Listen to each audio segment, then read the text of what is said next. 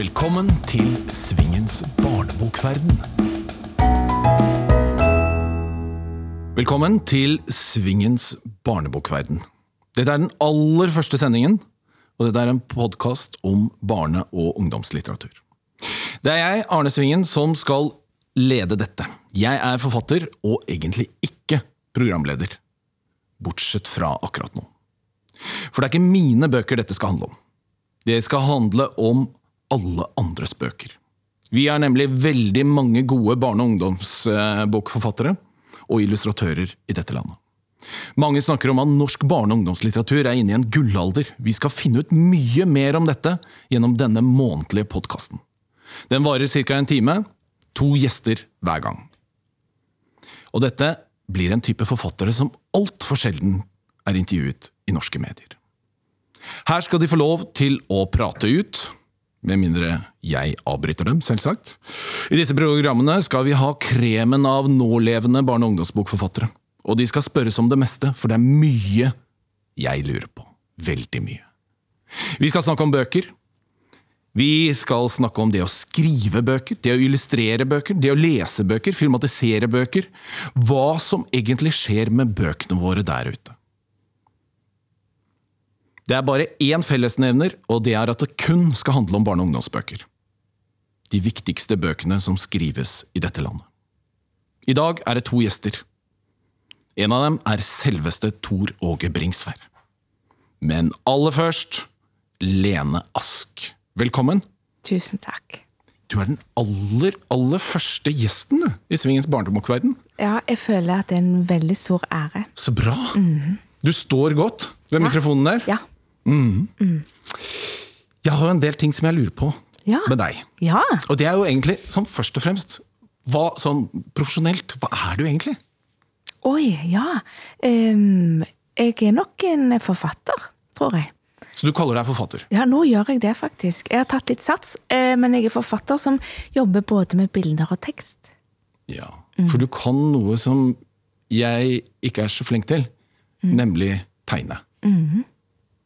Og var det, det var der du begynte? Ja, eller jeg er fot utdannet fotograf. Herregud, du kan foto også! Ja, ja, det er jo det jeg egentlig kan. Jeg er føler nå at jeg kan veldig lite altså, når jeg snakker med deg her nå. Jeg kan bare skrive. Ja, du kan bare skrive, men i tillegg har du skrevet veldig mye, da. Så, da, så der vinner du litt. Men eh, ja, eh, jeg er utdanna fotograf. Jeg trodde ikke at jeg kunne tegne, jeg trodde ikke at jeg kunne skrive. Og så eh, begynte jeg å tegne, og så begynte jeg å skrive. Så Men har du noen gang jobbet som fotograf? Eh, ja, innenfor kunstscenen så har jeg det. I ti år.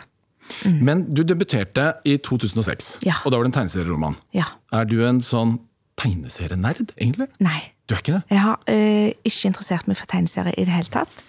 Og det var veldig bra, for det hadde jeg gjort det, så for jeg er sånn type sånn som er veldig redd.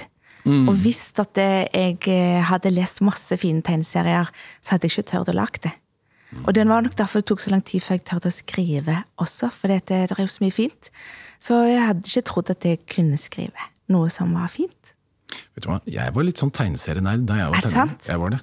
Så gjorde jeg noe veldig dumt. Ja, hva var det? Jo, for eh, mine foreldre skulle på et eller annet tidspunkt flytte. Det var lenger etter at jeg hadde flytta ut, selvfølgelig. Og da måtte jeg da gå gjennom de gamle sakene på rommet mitt. Oi, oi, oi. Så tenkte jeg de tegneseriene kommer aldri til å få bruk for det. Så jeg kasta det.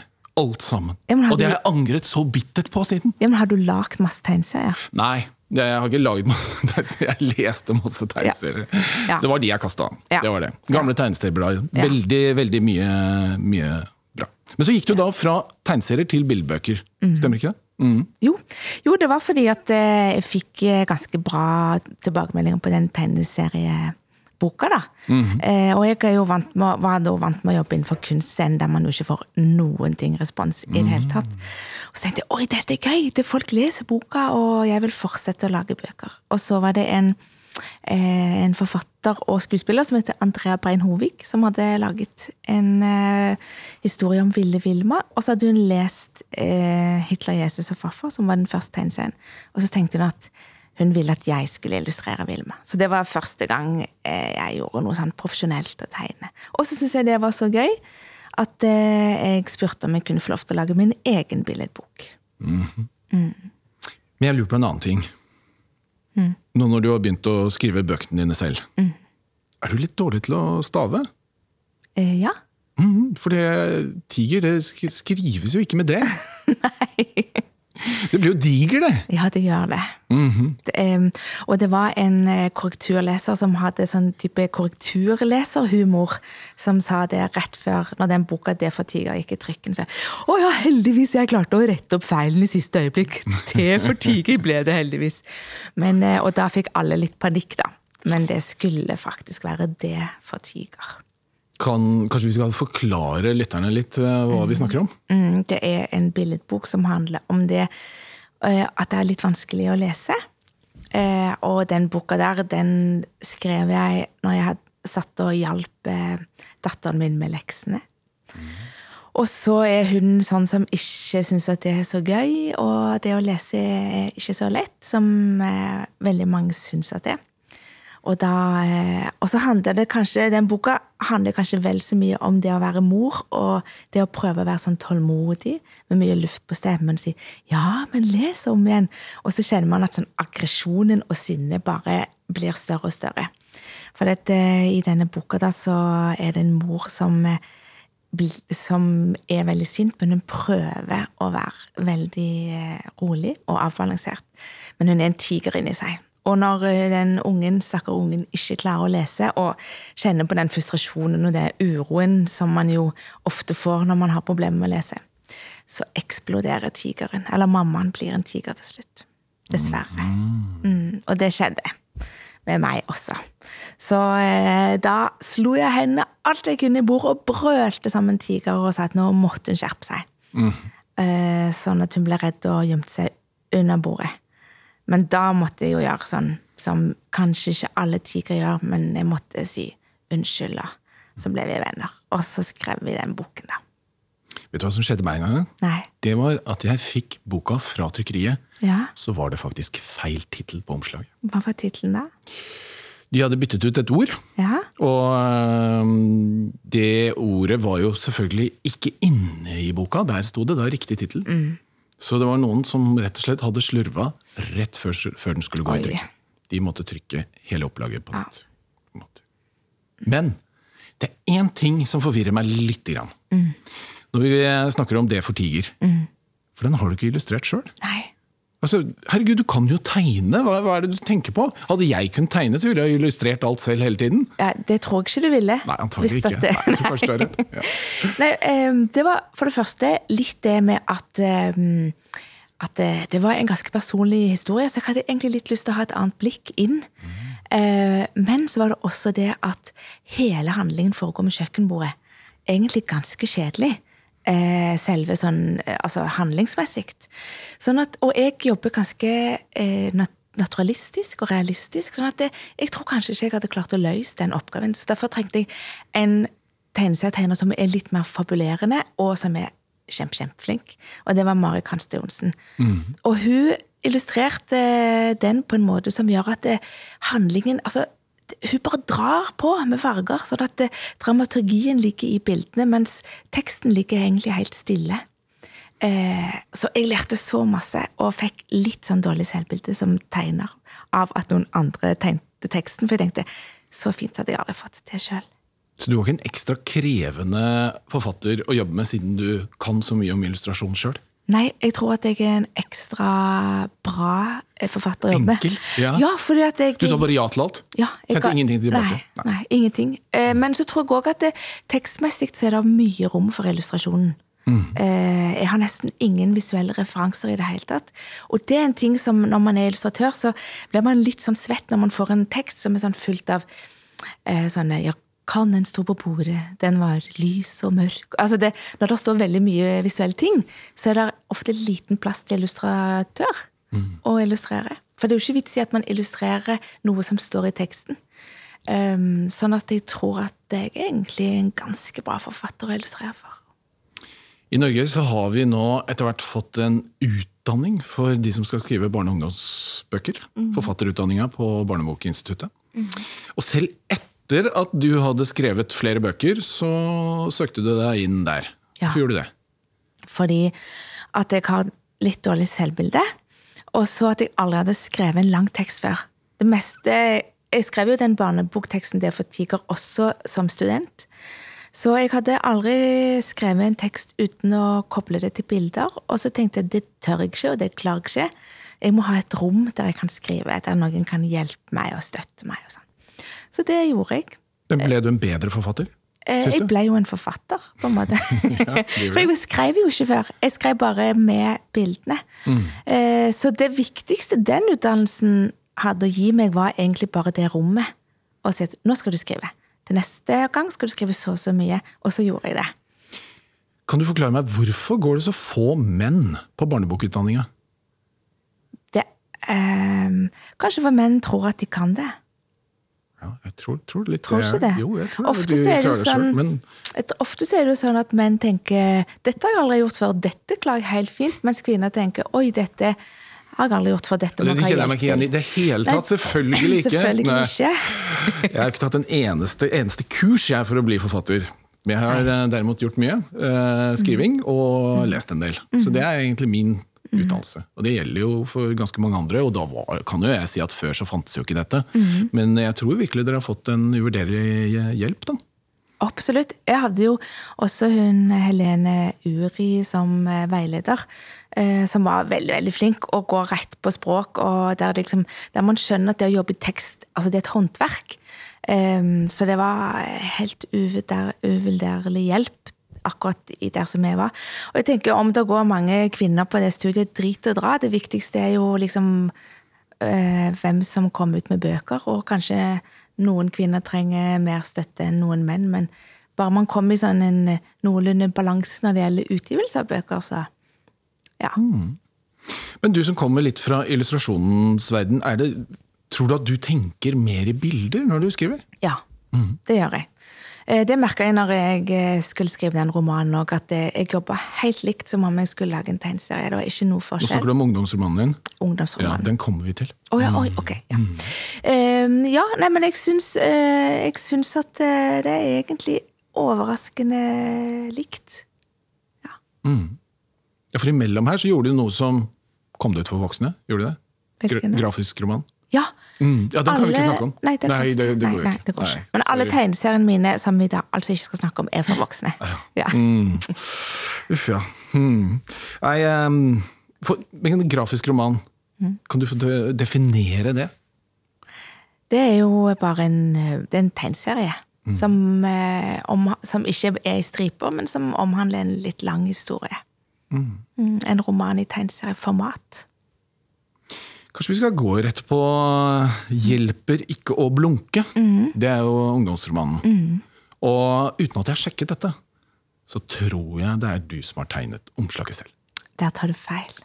Ja. Søren, altså. Du burde sjekke Ja, jeg burde sjekke sånne ting, men jeg, jeg syns det er morsommere da å gjette. ja, ja, det. ja, det var en veldig god unnskyldning. um, ja, nei, det var det ikke. fordi at der igjen, etter at jeg hadde fått Mari til å illustrere teksten min, så fikk jeg litt sånn kick på det. Og så tenkte jeg at jeg har skikkelig lyst til at det er noen andre som skal gjøre det. Uh, men jeg visste litt hva jeg hadde lyst til å ha, da. Ja. Eh, men jeg kan se hvorfor du trodde det, fordi at den ligner ganske mye på den siste altså Kanskje litt sånn streken og det blyanttegnaktige i den siste tegneserieromanen min. Så jeg ser det. Men eh, jeg må si at eh, hun som har laga eh, coveret, som er nå dessverre er helt blankt, husker ikke hva hun heter. Nei, men folk kan sjekke det selv. Folk kan sjekke det. Mm, Hun det er veldig er veldig, veldig flink. Og hun er flinkere å tegne enn meg. Akkurat sånn teknisk. Men er det sånn, man rangerer man sånt? Liksom, Ja. Du sier at oi, så hvis jeg hadde tegnet her nå, så hadde du sagt at han er mye dårligere til å tegne enn meg. Eh, nei, altså det kommer litt an på, men når man liksom jobber litt sånn i samme eh, Altså når du har litt samme billedspråk og sånn, og jobber innenfor samme sjanger, så gjør jeg det. Jeg prøver å ikke gjøre det, men jeg gjør det hele tiden. Jeg tenker sånn ah, Hun er penere og sånt òg. Eller han er penere og flinkere og springer fortere og sånn. Jeg vet at det er barnslig, og jeg skal slutte med det nå når jeg blir du kan jo slutte 42 nå, år. Ja, nå Ja. kan du slutte. Jeg er skal- ja. 42. Mhm. Det høres eh, Ja, men det er fint. Jeg tror du skal få et uh, minutt nå, jeg, og fortelle oss om Hjelper ikke å blunke. Mm.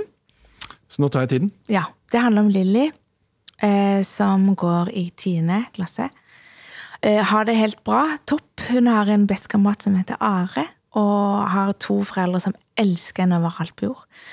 Um, men så blir hun forelska i Are, bestekompisen. Det er jo det alt eh, Det begynner jo som regel Katastrofene begynner jo når man blir forelska. Og da plutselig så finner, ser hun seg selv utenfra og ser at hun er faktisk ikke noe særlig pen. Hun, er, hun har et eh, arr fra en sånn hareskår som gjør at hun tenker ja, men jeg kan jo aldri få meg kjæreste, for jeg er jo stygg. Eh, Så handler det litt om det, å prøve liksom å komme seg over det. Hun prøver å løpe ifra den der følelsen og få kontroll over følelsene til Are. Og det går jo ikke så lett å gjøre det. Så det handler egentlig litt Det er litt sånn Becoming a Woman-roman. Og nå glemte jeg hele tiden, jeg ble så betatt av historien, så det var sikkert Ja. det, men, men det var veldig kort, konsist. Det var Ja. det. Og så tror jeg mange kan kjenne seg igjen i det. Jeg mener, I de årene der, bare jeg fikk en sånn stor kvise på nesa, så var Ja, jeg sikker på at jeg aldri kom Ja. til å få kjæreste. Ja, ja. Mm. Altså, jeg var jo også helt overbevist om det, for jeg hadde røtter fra Egnar. Oh, ja. At jeg får, får ikke de kjærester? Tror, Nei, jeg trodde jo ikke Trodde? det. Men mormor sa det at, at eh, Men Lene, det er veldig populært i Amerika. sånn at jeg, jeg tenkte at jeg måtte dra til Amerika for å, for å få meg kjæreste lenge. Helt, eh, men så skjønte jeg etter hvert at det, det, gikk- det gikk bra. At eh, menn var ikke så opptatt av rødt hår og fregner. Har du noen gang vært i USA? da? Eh, Ja, bare én gang. Ja. Og Ble var- du veldig jaktet på da? Var Nei, det var nei, veldig skuffende. Jeg hadde tenkt sånn nå! Men det var ikke så lett som mormor hadde sagt. Nei. Nei. Dette er jo da en uh, ungdomsroman. Mm. Og uh, det er jo klart uh, Du har sikkert vært på en og annen ungdomsskole, og det er ikke så mange som leser ungdomsbøker. Hva, hva er det, dine forventninger når du kommer ut med en ungdomsroman? Nei, jeg har jo jeg, jeg har forventning og håp om at den skal bli lest. Eh, Kall meg gjerne men jeg tenker at det, dette er en skikkelig fin roman som jeg tenker at mange Du er stolt av den! Ja, fy fader, jeg er kjempestolt sånn av den. Eh, men, men samtidig så, så, så hører jeg jo at folk sier at, eh, folk ikke, at ungdom ikke leser. Men eh, jeg har ikke helt tatt over, innover meg det ennå, for jeg har møtt noen ungdommer som har lest den. Altså. Absolutt. Det er det ikke noen tvil om. At det er noen som leser, og de leser ofte veldig mye. Når de først leser. Jeg kunne ønske at det var litt flere av dem. Men jeg tror dette er en syklus som de fleste går igjennom. At særlig på ungdomsskolen så skal det leses lite, og så kommer man kanskje tilbake igjen senere. Ja. Men det kommer jo ut, altså av norske forfattere så ligger jo tallet rundt 50 nye ungdomsbøker i løpet av ett år. Det syns jeg er ganske imponerende. Det er veldig imponerende. Og, og hvis at det er sånn at ungdom leser lite, så er det jo desto viktigere at når de først leser en bok, at de får en bra bok. For, dette, for, for vi vil jo alle stimulere til økt lesning, og da er det veldig viktig at de ikke får en sånn en kjedelig, halvdårlig bok som de bare slenger vekk. Det må være fine bøker. Og ungdom er jo så forskjellig. Det, er jo, altså, det ble, var jo utfordrende når jeg skulle prøve i denne sjangeren. Og hvilken alder skal jeg skrive for? Hvor gammel skal Lilly være? Eh, og man vet jo at ofte så leser man seg litt opp. Eh, og i denne ungdomsskolealderen så er det jo liksom tre år, og så er det kanskje sånn kjempe uaktuelt med drikking på fest, f.eks.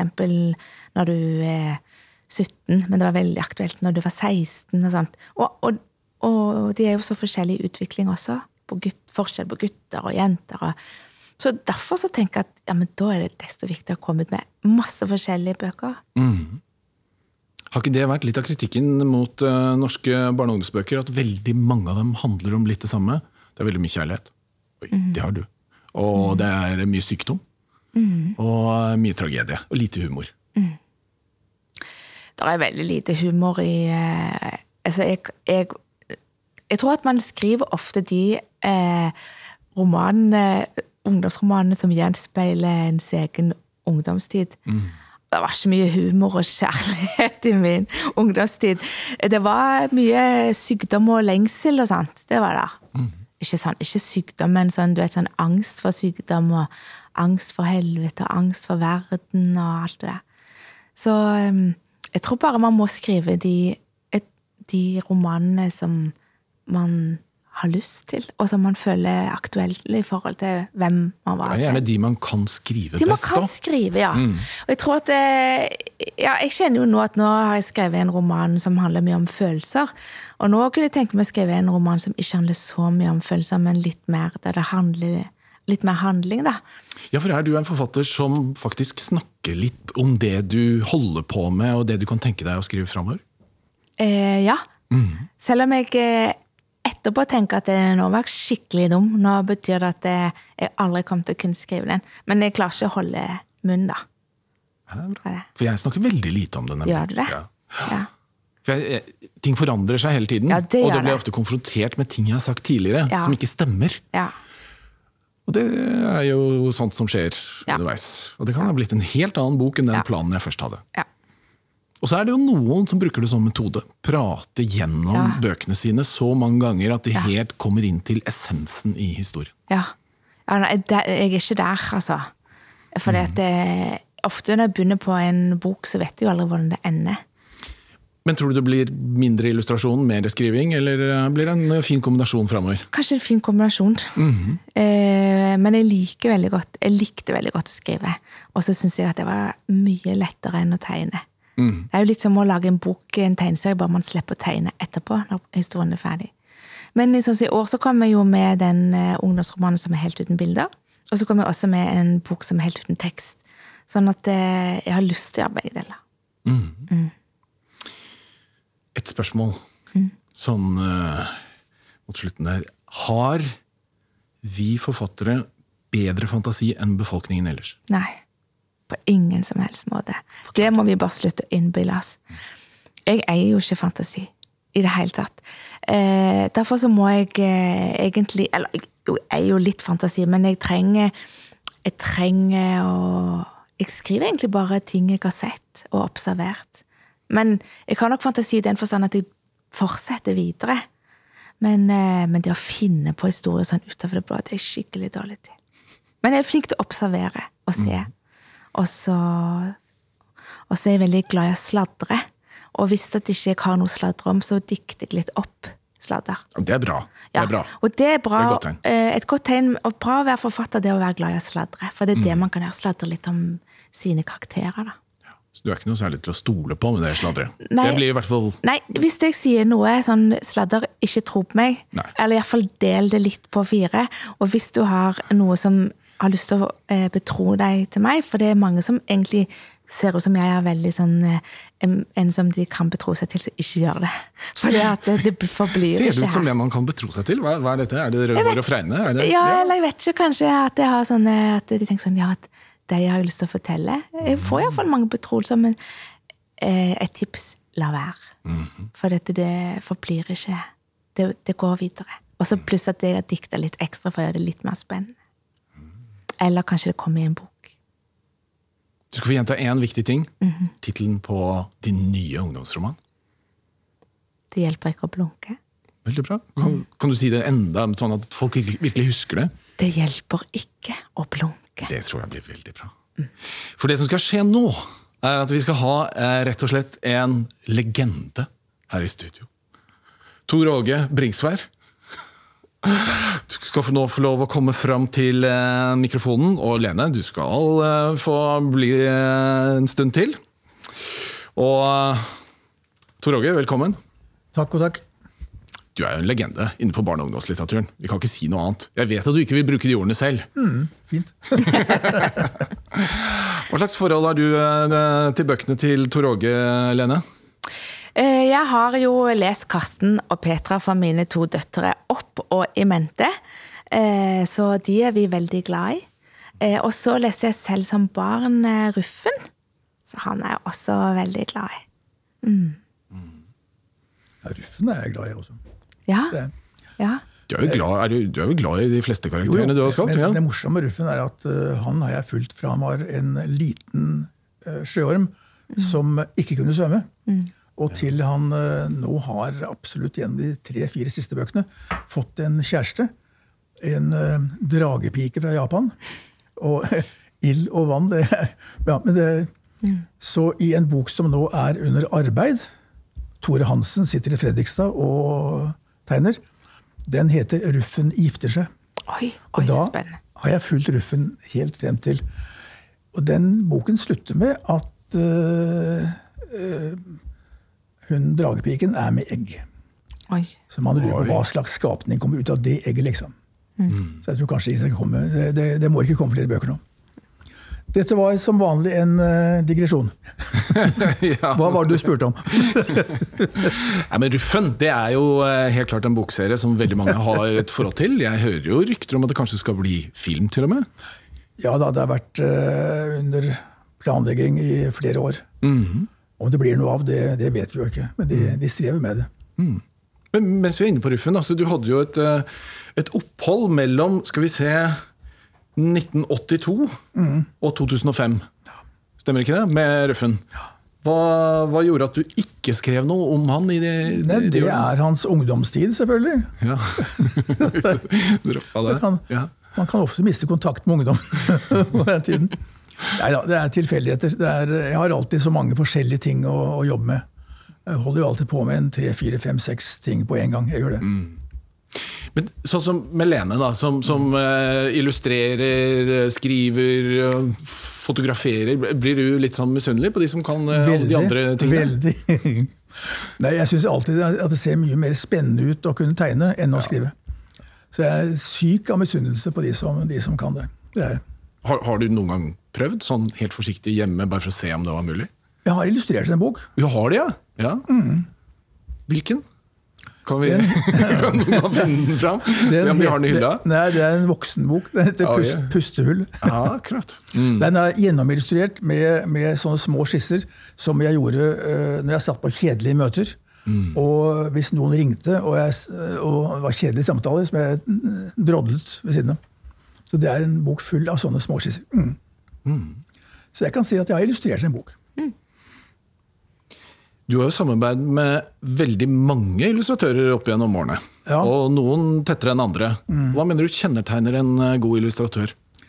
Det som kjennetegner en, en god illustratør, er at, eh, at hun stoler på det hun selv gjør, og at ikke hun prøver å tekkes forfatteren.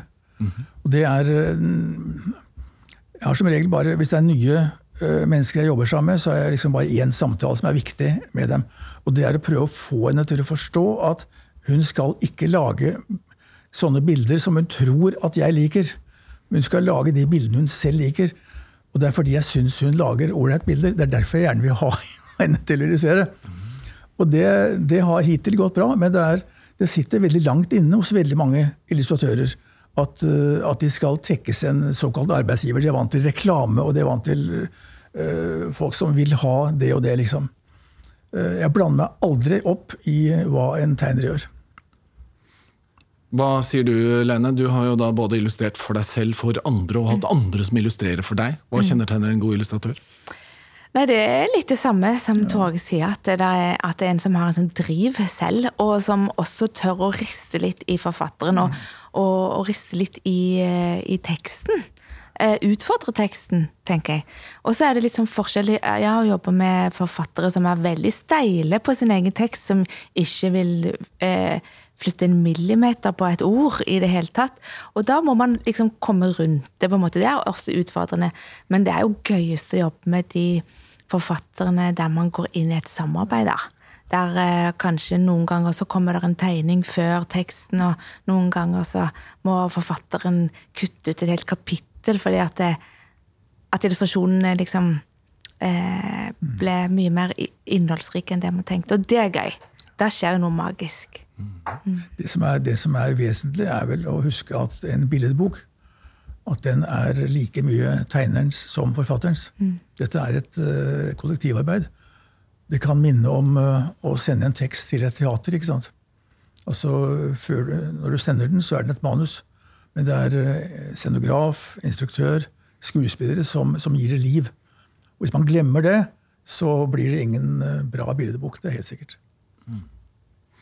Lene Ask, nå skal du få lov å sette deg ned litt. Ta en liten pause. Nå har du pratet mye. Nå skal vi da konsentrere oss eh, litt om deg, Tor Åge. Og plage meg. ja. Ja, nå skal vi plage deg gleder litt. meg. Det skal vi prøve.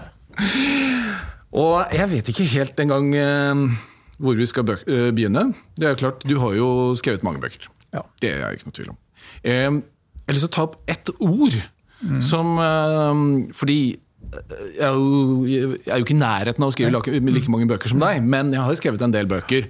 Og da får jeg høre et ord som eh, går igjen, og du er veldig produktiv, sier folk. Og da har jeg vel funnet ut at det egentlig er to betydninger av det ordet. Det ene er betydningen fra det som er på en måte mine venner som har andre typer jobber. Da mener de det som et honnørord. Da er det liksom du er arbeidsom, du har mye fantasi. Men så har du i selve bokbransjen så er jeg ikke så sikker på om det er det samme honnørordet. Fordi det skal ofte være litt trange fødsler rundt uh, bøker. Jo da, man skal sitte og gråte på kafeer og drikke øl et halvt år før man skriver en setning. Mm -hmm. uh, kan man slå tilbake da. Mm. Uh, jeg oppfatter produktiv som utelukkende et, et, positivt ord.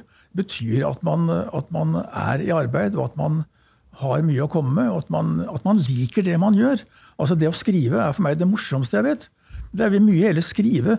Vi vil mye heller sitte hjemme og skrive enn å gå på fest, f.eks. Mm. Så eh, en dag uten at jeg får eh, skrevet noe, det er en bortkastet dag. altså. Ferie er for meg et fyord. Skulle det være, skulle det være hyggelig for meg å, å, bli trukket bort fra det jeg liker aller best å holde på med? Nei. Jeg lurer egentlig litt på hva er ditt forhold til Syden? Veldig bra. Det er varmt der. altså jeg, etter at jeg sluttet å bruke akebrett, så, så, har ikke vinteren den samme tiltrekningskraft. Så hele denne piggdekkperioden ønsker jeg å være borte fra Norge. Da liker jeg å sitte et sted hvor det er varmt. Man kan sitte i lette bomullsbokser, sitte på en terrasse og, og, skrive. Uh, gå en tur i solskinn. Det liker jeg bedre. Jeg får gjort mye mer. Ja. Blir... Så det betyr at du skriver mest når det er vinter i Norge og du befinner deg i Syden? Ja. Mm. Sånn er det. og du bruker fortsatt den metoden? Ja. Mm. Det, det, jeg, har, jeg, har, utviklet den til å, å, dreie seg om langt flere måneder enn jeg gjorde før. Okay. mm. For Jeg tror du fortalte en gang at du ofte da går, finner deg én restaurant som ja, ja. er ja, god, og så går du ut på den samme stort sett hver dag. Jeg har hatt den samme i flere år. Du har det, ja? Uh, som lunsjsted. Mm. Og jeg spiser det samme hver dag. Uh, to forretter. Jeg, jeg, er et vanemenneske. altså Jeg er absolutt et vanemenneske. Mm. Jeg liker rutiner, jeg liker vaner. Altså vaner er, Vanemenneske er også et, et stygt ord etter hvert. Det er det jo ikke. Det er snakk om gode eller dårlige vaner. Og jeg jobber, så det å kunne stå opp og ikke tenke på noe annet enn bare å holde på med det du holder på med, og skrive frem til lunsj, gå en tur, spise lunsj, gå hjem og fortsette å jobbe, det er et privilegium. altså. Mm. Og det, etter, etter internett kom, så kan vi jo også sitte hvor som helst. Vi kan eh, holde kontakt med forlag med, med alle med hjelp av internett. Ved hjelp av mail, ved hjelp av Skype. Så det har blitt mye lettere, altså. Mm. Dessuten så trenger man ikke å ta med seg to kofferter med referansebøker lenger, fordi at mange referanser er inne på nettet. Det er også en fordel. Mm. Nå skal vi da snakke utelukkende om eh, barne- og ungdomsbøkene dine, okay. barnebøkene primært. Eh, eh, hva, var det, hva er det du føler er så fascinerende med å skrive for barn? Jeg vet ikke om jeg føler at jeg skriver, jeg skriver for barn. Mm. Jeg skriver vel bøker som, som som eh, både barn og voksne kan lese. Jeg prøver å skrive slik at eh, også voksne kan forstå det jeg skriver. At også voksne kan henge med, liksom. Fordi jeg tror jo at uh, hvis ikke en bok er noe, som det heter, for den som leser den høyt for et barn, så er den vel heller ikke noe særlig for det barnet som blir lest for, heller. Så jeg tenker ikke så veldig mye på målgrupper og sånt. Men det er ofte, det er ofte historier eller temaer som jeg er opptatt av, som jeg syns er trivelig å, å, behandle, liksom, så skriver jeg. Mm. Og så får vi se åssen det går. På samme måte som, som Lene, så vet jeg aldri Jeg vet heller aldri eh, hvordan en historie ender. Når du starter? Nei, Nei. aner ikke. Og jeg vet heller ikke om det blir noe av en ting. Jeg kaster jo mye mer enn det jeg sender fra meg. liksom. Mm. Jeg kaster utrolig mye. Jeg er avhengig av digre papirkurver. Men du har likevel eh, sagt en gang at forholdet mellom bok og leser er som en slags åndelige fettere og kusiner. Ja. Um, men likevel så tenker du overhodet ikke på leseren når du skriver? eller hva? Nei, altså jeg tenker på den leseren jeg selv har i meg selv. Altså Det betyr at uh, du kunne aldri falle meg inn og prøvelese en uh, såkalt barnetekst for noen barn. Fordi uh, jeg, jeg har nok med det barnet jeg selv har i meg. liksom. Jeg tror vi alle har det barnet fremdeles. Eller vi burde ha det. Altså, etter min mening så er mennesket akkurat som et tre. Det har årringer, ikke sant? og du er, du er ikke bare den du, den du, er, du er også alle de du har vært. Så den 50-åringen, 40-åringen, 30-åringen, 25-åringen eh, er fremdeles inni meg. Og det er deler å ha kontakt med den minste i oss. Og det er det eh, jeg prøver å få til når jeg skriver en såkalt barnetekst. Mm. Så den, og den femåringen kan være ganske kresen, og det, ja, jeg liker han egentlig. Mm. Han er kanskje den beste jeg har. jeg liker han bedre enn 60-åringen, 70-åringen. Ja, men så vidt jeg har, jeg har, klart å finne ut, så ser det ut som du skrev din første bildebok i 1969. Ja. Og det heter T-banetrollet Knerten Gundersen. Det var det året T-banen kom til Oslo. Det var det, ja. ja. Så det var åpningen av T-banen. Ja. Og det var, nei, det var en lykkelig ting, for det var, det var Øyunn Krokan på, på Gyldendal som, som, bestilte en, en, en, bildebok. Hun hadde lest ting jeg har skrevet for voksne, og så har du aldri tenkt på å lage en bok for barn. Så det ble initiert av forlaget, ja. rett og slett, at du begynte å skrive ja. for barn? Mm -hmm. Så da, da, fant jeg på T-banen til Olle Knerten Gundersen. Men den boka er ikke lett å finne i dag, er den Nei, den er borte for lengst. Jeg så den nemlig på nettet nå, til 450 kroner. Ja. Men det er jo sånn med veldig mange bøker og veldig mange forlag at uh, hvis en bok uh, selger ut uh, det opplaget, så puster forlaget lettet ut. Jøss, da slapp vi noen lagerproblemer med den boken. Nå er den borte, liksom.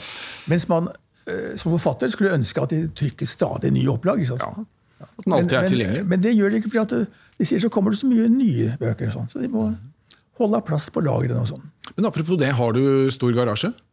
Jeg har stor garasje uh, hvor det ikke er noen biler. Ja, Det er plass til to biler der. De de står ute sommer som vinter.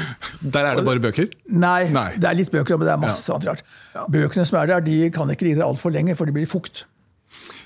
Det er sant. Ja. Så hva gjør du med dem? Altså, vi kan jo legge til da, for, for, leserne at uh, vi forfattere får da stort sett uh, 25 eksemplarer ja. Friex av uh, hver nye bok. Og så kan det hende at vi får restopplag, og så får vi noe av nye opplag. Jeg gir bort så mye, så mye jeg kan. Mm. men jeg har jo jeg har et lite arbeidshus. og der er det så fullt av pappkasser fulle av bøker. Mange som jeg ikke har åpnet også. Eh, så det er såpass eh, Men du vet hva som er i dem? Ja, jeg håper det. Det er ikke sikkert. Det er, det er nesten vanskelig å komme inn der nå. Så eh, jeg har en datter nå som flere ganger har sagt at jeg skal komme og hjelpe deg en ukes tid. liksom. Mm. Så dette er en påminnelse til henne. Ja, jeg ga bort en del bøker til skolebiblioteker. Det var veldig populært. Ja. Så det er klart at med de budsjettene som finnes rundt på norske skoler, så er det jo Klart. Ja, jeg gir bort eh, nå 40 eksemplarer av en bok som heter Jentekraft. Mm. Uh, til uh, noen som har spilt amatørteater ute i hølen her. Mm. Um, du har jo holdt på en del med science fiction. Mm. Du har jo skrevet litt science fiction for barn òg? Ja da, Karsten og Petra er jo det. Karsten og Petra er science fiction, ja. ja altså det, er, det var kanskje den jeg først tenkte på, men nei. Nei, men det er, det er, den, det er den meste science fiction jeg har skrevet for barn. Det er Altså, dette er utopier, ikke sant? og jeg har skrevet ca. 40 eh, utopier. Det er fordi at eh, det er jo ingen barn som har det så godt og trygt og, og varmt som de. Men, men, det er sånn alle barn skulle ønske at de hadde det. Mm. Og det er, det er et, en ting som uh, går litt hus og bit fra. Men nei, det, er, det, er, jo det er ikke ment å være De omtales ofte som, som små, realistiske hverdagshistorier. Ja. Uh, men det er jo utopier, altså. Sånn barn skulle ønske de hadde. Og som mange voksne også skulle ønske de hadde. Ja, for realistiske bøker så har vel du sagt noe om at de krever monopol på å fortelle oss om vår uh, ja. virkelighet. Mm. Hva er de største fallgruvene for å skrive, det å skrive realistisk? Nei, Det er at man, at man eh, ser for kort. Man ser, man, man ser rundt seg, liksom, og da, da, risikerer du å få uh, veldig sånne kjedelige bøker. sånn som sånn I love you, uh, you left me, I miss you. Og verden er mye mer enn det, altså. Så det er um, Nei. Jeg syns realismen er, er den eh, Den uh, slutter oss inne. Altså det er uh, Hvis man er i et sånt hus, må man slå i stykker veggene. Men jeg husker jo en serie som du har hatt som heter Kaptein Puma. Ja. Det kan vi kalle science fiction. Det er, det er, det er en, en, serie bøker om en blanding av jente og katt. Mm. Kaptein Puma er en genetisk blanding av jente og katt. Og så er hun sammen med sin trofaste datamus. Og de eh, er ikke-voldelige og løser konflikter rundt på de planetene de kommer. Mm. De prøver å løse dem på en hyggelig måte, liksom. Men du har jo en del serier. Er det sånn at du, Som f.eks. Ruffen, da, hvor du hadde et, en lang pause. Er det sånn at du noen ganger bare tenker at i den serien der, jeg, kanskje jeg skulle ta frem den karakteren igjen? Jeg, jeg liker serier. Ja. Eh, serier det jeg liker aller best. Og Da jeg var barn også, så jeg lest, hvis jeg eh, fant en bok jeg, jeg, likte godt, så var jeg jo vill av begeistring hvis jeg fant at det var flere bøker om de samme personene. liksom. Så, så det med serielitteratur er jeg veldig for. Det, det er eh, Jeg syns det er kjempespennende. Eh, jeg vokste jo opp med ja, med Rocambole og Den ensomme rytter og alt det der. Jeg syns det er fint. Mm. Så, så, jeg liker serier. Men er det sånn at du kan la dem hvile i en del år, ja, ja. en del av dem, og så tenker du at søren heller, kanskje jeg skulle skrevet en bok inn ja. om uh, disse karakterene? Eller, De du trenger ikke komme Pimo. med jevne mellomrom, du kan komme med ujevne, ujevne mellomrom. Mm. Men det er, så jeg har mange sånne figurer som jeg liker å, å finne fram tilbake til og nappe i. Mm. Er, jeg syns det er trivelig. Men Karsten og Petra, det, de har kommet ganske jevnt? De har kommet ganske jevnt. Mm. Det har de. Mm. Det er... Det er jo ikke sånn Tekstmessig så er det jo ikke veldig lange bøker. De får kanskje plass på en A4-side. Sånn, Nei, det gjør de ikke, men, Nei, okay. men, ok, hvis det er en stor side, ja. ikke A4, men da får du nok ja. Men det, når du da har skapt det universet, mm. og det har du jo da skapt på egentlig den første boka Jo, men det også utvikler seg veldig. Mm. Det er, Husk på det er ja, Kosedyrene kom sent inn i bildet, det, og det at de, at de begynte å kunne snakke mens barna var der. og sånn, Det kom, kom etter hvert. Uh, morfar kom mer inn i bildet. Han fikk en kjæreste. Mm -hmm. altså det, er, eh, det, skjer ting der. Har du noen planer framover? Som... Ja, det kommer jo to bøker nå. Mm -hmm. Med Petra som sparker fotball. Oi. Hun sparker fotball. altså hun, ja. Det er jo blitt sånn mote å si at man spiller fotball, liksom. Men da er jo barnet heter sparkefotball, og det er det fremdeles en del som mm. holder på, tror jeg. Mm. Altså, Peter har sparket fotball. Uh, Karsten er ikke med på det, fordi at Karsten som kjent, han vil jo gjerne bli danser. Ja. Han, Karsten liker å danse, er jo en bok, og, og han sitter i denne boken, ved fotballboken sitter han og snakker om det. Han bruker bena sine til å danse med. Han vil ikke sparke med dem. Mm. Så det skjer en del sånne ting. Det er små, bitte små ting som, uh, som skjer hele tiden. Mm. Så det er masse å ta av. Men du har jo eh, ja, utgitt en del bøker, og jo en del bøker som har blitt eh, veldig populære. Ja. Um, men du utgir dem jo da gjennom eh, i den tradisjonelle forlagsverden. Mm.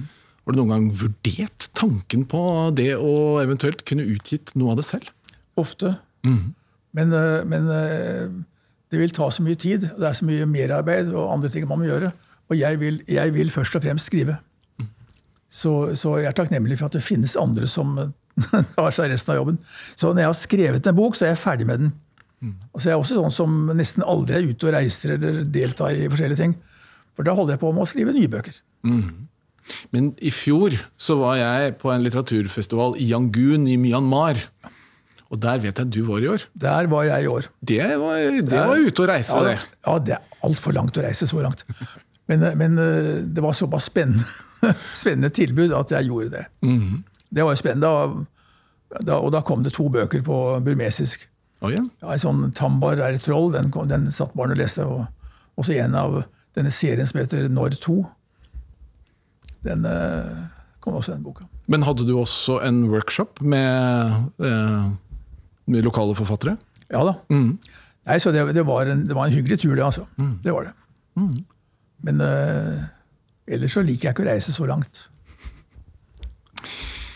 Et tema som jeg egentlig ikke er så veldig glad i selv, men, men jeg, jeg, det. jeg har likevel lyst, lyst til å spørre om det. For det er klart um, I og med at du har holdt på så lenge, altså dette med litteraturpriser, har det betydd noe for, for ditt oh, ja. forfatterskap? Det betyr alltid noe at uh, andre mennesker eh, liker det man gjør. Det, det betyr noe. Og litteraturpriser er, er viktige uh, for å holde en gående, liksom. Jeg syns det. det er, fordi at er opp, du har jo veldig opp- og ned-perioder. og du eh, ja, og det å skrive er jo også en ensom jobb, ikke sant. Eh, Du sitter jo eh, alene og pusler med ditt i lange perioder. Så jeg setter veldig pris på når det kommer et, eh, en mail fra en leser som, som har lest en bok og syns den er veldig ålreit. Eh, Jeg setter ikke pris på de som skriver og sier at det ikke er ålreit. Det finnes jo de òg, heldigvis. Men, Eller eh, som kanskje vil at du skal skrive en skoleoppgave for dem? Ja. De, de får jeg. Ja, ja, ja, de sender jeg over til deg. Ja, da sier jeg 'kontakt Arne Svingen'. Han gjør sånt. Det er derfor jeg får så mange av dem. Ja det er det. Mm. Det er riktignok, Selv om vi skal snakke om eh, barne- og ungdomslitteratur, så, så, så må jeg bare nevne én ting. Som, som var jo, som, fordi det handler om min barndom. Altså, Jeg leste jo eh, 'Ruffen og det blå folket' og sånne ting. Men en ting som kanskje betydde enda mer for meg, var jo da første gangen på norsk TV hvor det faktisk var en krim som man hadde lyst til å følge med på! Helmer og Sigurdsson! Ja. Du skrev eh, manus til Ja, det, ja, du? Ja. Ja, Nei, Sammen med John Bing, gjør du ikke? Ja. Det var eh, Helt av samarbeid med, med Jon har jo betydd veldig mye. Altså, det, det trenger vi ikke å eh, rippe opp i, men det er eh, det, Særlig for meg betydde det mye, fordi at eh, Jon hadde jo sin jobb og gikk jo på universitetet hver dag. Men, eh, men eh, jeg, jeg sitter jo hjemme og skriver. Og at jeg en dag i uken hadde en sånn eh, samarbeidsdag og eh, jobbet sammen med andre, det var trivelig for meg. altså. Det var veldig hyggelig. Og det spennende var jo at eh, Bing og Bringsvær er en helt annen person enn det Jon var, og det jeg var. Det er en helt selvstendig person som ikke har noen ting med oss å gjøre. Men når jeg er rundt på uh, skoler og snakker med elever, så uh, spør jeg litt om hva slags bøker de liker å lese. Og da svarer de noen ganger titler, og så svarer de veldig ofte sjanger. Og jeg vil si at uh, ca. 80% så vinner da den store sjangeren spenning. Ja. Altså Da er det på en måte den som svares. Det er mye som jeg tror ungene inkluderer i spenningssjangeren. Um, og alt fra grøssere til mer tradisjonell barnekrim til uh, historier med en sterk spenningsmotor. Uh, og du skrev jo da, jobbet jo faktisk med krim for, eh, for TV. ja. Men du har ikke gjort det så mye for barn sånn ellers når det gjelder bøker? Nei, jeg hadde en serie igjen om mesterdetektiven Felini. Ah, ja, eh, stemmer det. Med rett til makrell Det var en, en var katt. Eh, Med rett til makrell i tomat, heter den. Det, er, eh, det var en, tre bøker, det. Det kunne vært flere. Men er det en sjanger som du, som du har interessert deg for? Leser du f.eks. mye krim? Er det Nei. Det gjør jeg ikke. Nei. Jeg gjør ikke det, og Nå er vi jo også sånn overfòret på, på krim. Det er jo krim overalt. Og Tenk på øh, TV, hvor nesten ni av ti filmer er krim, og osv. Så, videre. så jeg lengter nok tilbake til den tiden da det var Detektimen en gang i uken. altså.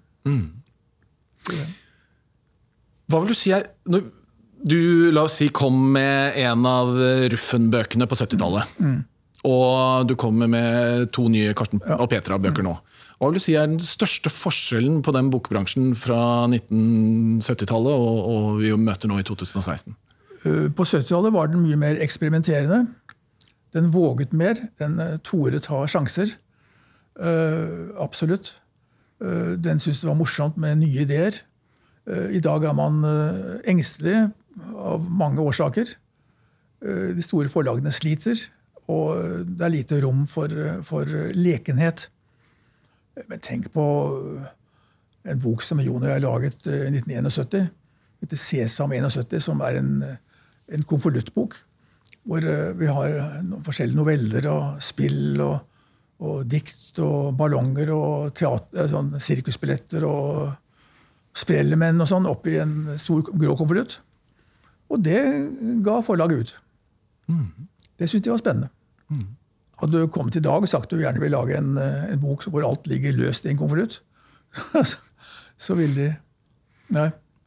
Hva med mottagelsen? Det kommer færre bøker ut eh, den gang. Eh, har det blitt eh, verre å synes? Ja, det har det jo, men det er, det er igjen fordi at media er, lite, er mindre opptatt av kultur mm. enn, en de var. Altså, Media har egentlig bare ett fokus nå. Det er uh, hvordan skal vi selge? Og de tror at kultur ikke selger. Så det er en myte de har, og den myten holder de fast på. Mm. De tror at, uh, at uh, skremselskudd om helse, det selger, liksom. Mm. Og kjendisstoff selger.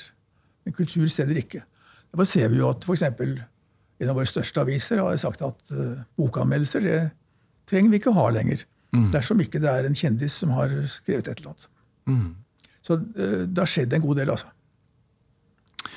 Når jeg er rundt på skoler, så får jeg jo eh, mye interessante spørsmål fra elever. Og mange av dem er jo gjengangere. Blant annet eh, sånn type ja, blir du rik? Og de lurer på mm. hvor mange bøker jeg har skrevet og sånne ting. Men så kommer det noen veldig fine spørsmål som jeg syns er vanskelig å svare på. Og et av dem er hvor kommer fantasi fra? Ja, det tror jeg er, jeg tror alle mennesker har anlegg for fantasi. Men jeg tror at, uh, at vi tvinges til å uh, se bort fra den. Du har det uttrykket som uh, veldig mange foreldre bruker, med 'nå må du se å bli voksen'. Og i det uttrykket så ligger det også at nå må du slutte å drive og tøyse med alt mulig rart. Nå må du, liksom. Så Mennesker har fått svinebundet fantasien sin. Altså. Den sitter og fanget i et lite hjørne av, av, hjernen og kunne godt komme frem igjen hvis den bare ble befridd. Mm. Men, uh, så det er ikke at, at, mennesker har mindre fantasi, men uh, den er bundet opp. Mm. Da er vi jo litt tilbake til det spørsmålet som jeg stilte til Lene. Har vi forfattere bedre fantasi enn befolkningen ellers? Nei, Vi har vært heldige som ikke har, ikke har fått den bundet opp mm. på samme måten, eller som har unngått det, eller som har eller som har uh, sagt nei, jeg har ikke lyst til å bli voksen på den måten dere sier. liksom. Uh, vi har gjort mer opprør mot, mot den voksenverdenen. Uh, det tror jeg. Mm. Det tror jeg går igjen hos de fleste forfattere. At, at de, har, de, har, ikke latt seg innlemme i en sånn grå voksenverden. liksom. De har gjort motstand mot det. Men har vi beholdt barnet mer i oss? Er det det? Men Alle har igjen til min mening barnet i seg, men det, mm. du, må, du må ha kontakt med det. Mm. Det finnes der, det også, i en krok, men der, der må man aktivt mm. gjenoppta kontakten med, med, den minste i seg selv. Mm. Så, er, eh, så, alle har muligheter. Vi er, noe, vi er, ikke noe, spesielle på den måten. Vi har vært heldige. Eller, ja. mm. Men du nevnte tidligere at uh, du skriver uh, hver dag. Ja. Og da snakker vi sju dager i uka. Mm. jobber du like mye nå som du har gjort oh, ja. tidligere? Mm. Mm. Det, det, er, så mye spennende, så mye rart å drive med. Altså, noe av det mest spennende jeg har, gjort, det høres veldig dumt ut, men det er, det er en liten én serie. Der jeg har bedt om å skrive for øh, den, min første løve, løvebokserien. Mm. Løveunge, er det det det heter? Ja, den, prøvde, den klarte jeg ikke. Nei. Det er den mm. setning på siden. Den gikk ikke. Mm. Men min første altså den, ja, Leseløve? Ja, mm. første leseløve. Den, den har jeg skrevet seks bøker i. En serie om ulvegutten Tal og uh, mammutpiken uh, Nea. Oi, hun, men Har noen ja, av disse kommet ennå? Ja da, ja. fire av dem har kommet. Ja. De, har, de, er i hver sin stamme, og de stammene er i, i krig med hverandre. Men de barna vil gjerne være venner. Og hun har en stor sabeltanntiger som hun i all hemmelighet har hatt siden den var liten kattunge. Og den rir de omkring på. Ja, det er en spennende serie. Men det som, er, det som er det å begrense seg når det gjelder antall ord, og, og ha korte linjer og liksom det, det, er, det, lærer jeg mye om. altså. Jeg syns det er veldig lærerikt å, å skrive bøker for, for uh, mennesker som nettopp har lært å lese. Ja, For det er lettere å skrive langt enn kort? Ja. ja. Og det, det, å lage leseløve, det, burde flere forfattere prøve på. Altså. Det er vanskelig, og det, det, har man mye igjen for. Ja, og kanskje håpe at noen av dem mislykkes, sånn at de ser hvor utrolig vanskelig det er òg. Så de kan gå rundt og fortelle oh, andre at 'dette oh, klarte jeg ikke'. Mm -hmm. det er, uh, jeg klarte ikke den første, den der lille Da er man kresen, selvfølgelig. For jeg ønsker jo at en bok at det skal ha en historie. Det skal være en fortelling, liksom. Mm. Og det var, det, jeg klarte ikke det med Og jeg klarte det i en annen serie. Én gang. Og da, ja. Men for oss eh, forfattere som er litt yngre, det betyr jo at eh, vi trenger ikke å bekymre oss for eh, pensjonisttilværelsen. Vi kan bare fortsette å skrive. Det er det som er det heldige med, å ha et fritt yrke. Ja. At du trenger ikke å gå av. hvis ikke... Men det er klart, før eller siden så får vi jo tilbud om sluttpakke, vi også. Vi gjør jo det, altså. Det, den dagen kommer. Og jeg gruer jo for den dagen da jeg kommer inn på et forlag, og de sier at herregud, nå kommer han igjen, liksom. Hvordan skal vi få fortalt at vi, vi kan ikke gi ut dette her lenger? Eh, Den dagen kommer for alle, tror jeg. Og den dagen gruer jeg for. Jeg forbereder meg alt jeg kan. Ja. Men det virker jo ikke som den kommer med det første. Nei, la oss ikke håpe det. Men, men, men det kan komme plutselig. Ja. For nå er det jo mange universer du har. Du har filmer det blir av det. Det er mye som skjer rundt uh, bøkene dine. Og det er selvfølgelig også det som uh, de fleste av oss andre ikke har opplevd ennå. At det er en del foreldre som har uh, lest bøkene i sin barndom og Ja, kjøper det til sine ja. egne barn. Som vel da kanskje i særdeleshet Ruffen, vil jeg tro. Nei, det er faktisk det er Karsten og Petra. Er det det? Det er, ja, selvfølgelig. De første bøkene som Ja. Anne, Anne og jeg laget, de, de kom jo i, eh, i 1992. Ja, jeg ser det på lista Så, her. Ja. så der er det nok det er mange småbarnsforeldre som Ja, nå er de der, ja. de Ja, sant det. Folk får jo barn er- hvis de er født i 92. det er spesielt, altså. Kanskje Ja, ikke så mange, da. Noen. Ja, det er, ja. Ja. Mm. ja, riktig. Ja, Karsten og Petra har jo blitt en stor serie. Jeg tør ikke telle her, men Nei, det er Nei. jeg teller ikke, jeg. Jeg gjør ikke det. Det er, eh, det er bare Jon Evo som teller av de som lager mange bøker. Ja, jeg teller ikke. Altså, jeg vet at det er eh, mange, men uh, før eller siden kommer jeg sikkert til å gå og klappe bokrygger liksom, og telle og trekke ut en bok. Si, Jøss, har jeg skrevet den? Det var da veldig det, det er lenge siden. Har du satt opp en bokhylle med en oversikt over alle bøkene? Jeg har en, en bokhylle og- hvor jeg har alle mine bøker i. Men den er gått helt i stykker. Altså Det var noen som kom og skulle avfotografere omslag. Og så er bøkene satt inn på alle mulige steder. Og bokhyllen er for liten, så nå ligger det bøker utover hele gulvet. I, eh, ja, i alle de rommene jeg bruker der. Mm. Det høres litt ut som hjemme hos meg. Slitsomt, men eh, sånn. Veldig mye bøker i, i sånne store bunker. Jo, så får man aldri tid til å rydde. Fordi at man skal skrive, ikke sant. Ja, så samler det mye støv. Ja, for det er det mange som lurer på. Blir du ikke fristet av å gjøre andre ting når du sitter der og skal eh, nei, jobber hjemme og sånne ting? Gjør Nei, ikke det? Jeg gjør ikke det. Nei. Jeg vet ikke hva det er. Liksom, hva skal jeg heller gjøre? Børste støv Jeg vet jeg, jeg vet jeg burde gå en liten tur, Ja. men jeg, jeg får ikke gjort det heller. Altså. Det er eh, uff. Men um, Tor Åge, Ja. tusen, tusen takk for at du ble med i den aller første podkasten av Svingens barnebokverden. Denne podkastserien er tilbake om en måned med to nye spennende forfattere. Og da skal vi få god tid til å prate med dem også. Men uansett, takk til Lene, og takk til deg, Tor Åge. I like måte. Du har hørt på Svingens barnebokverden med Arne Svingen.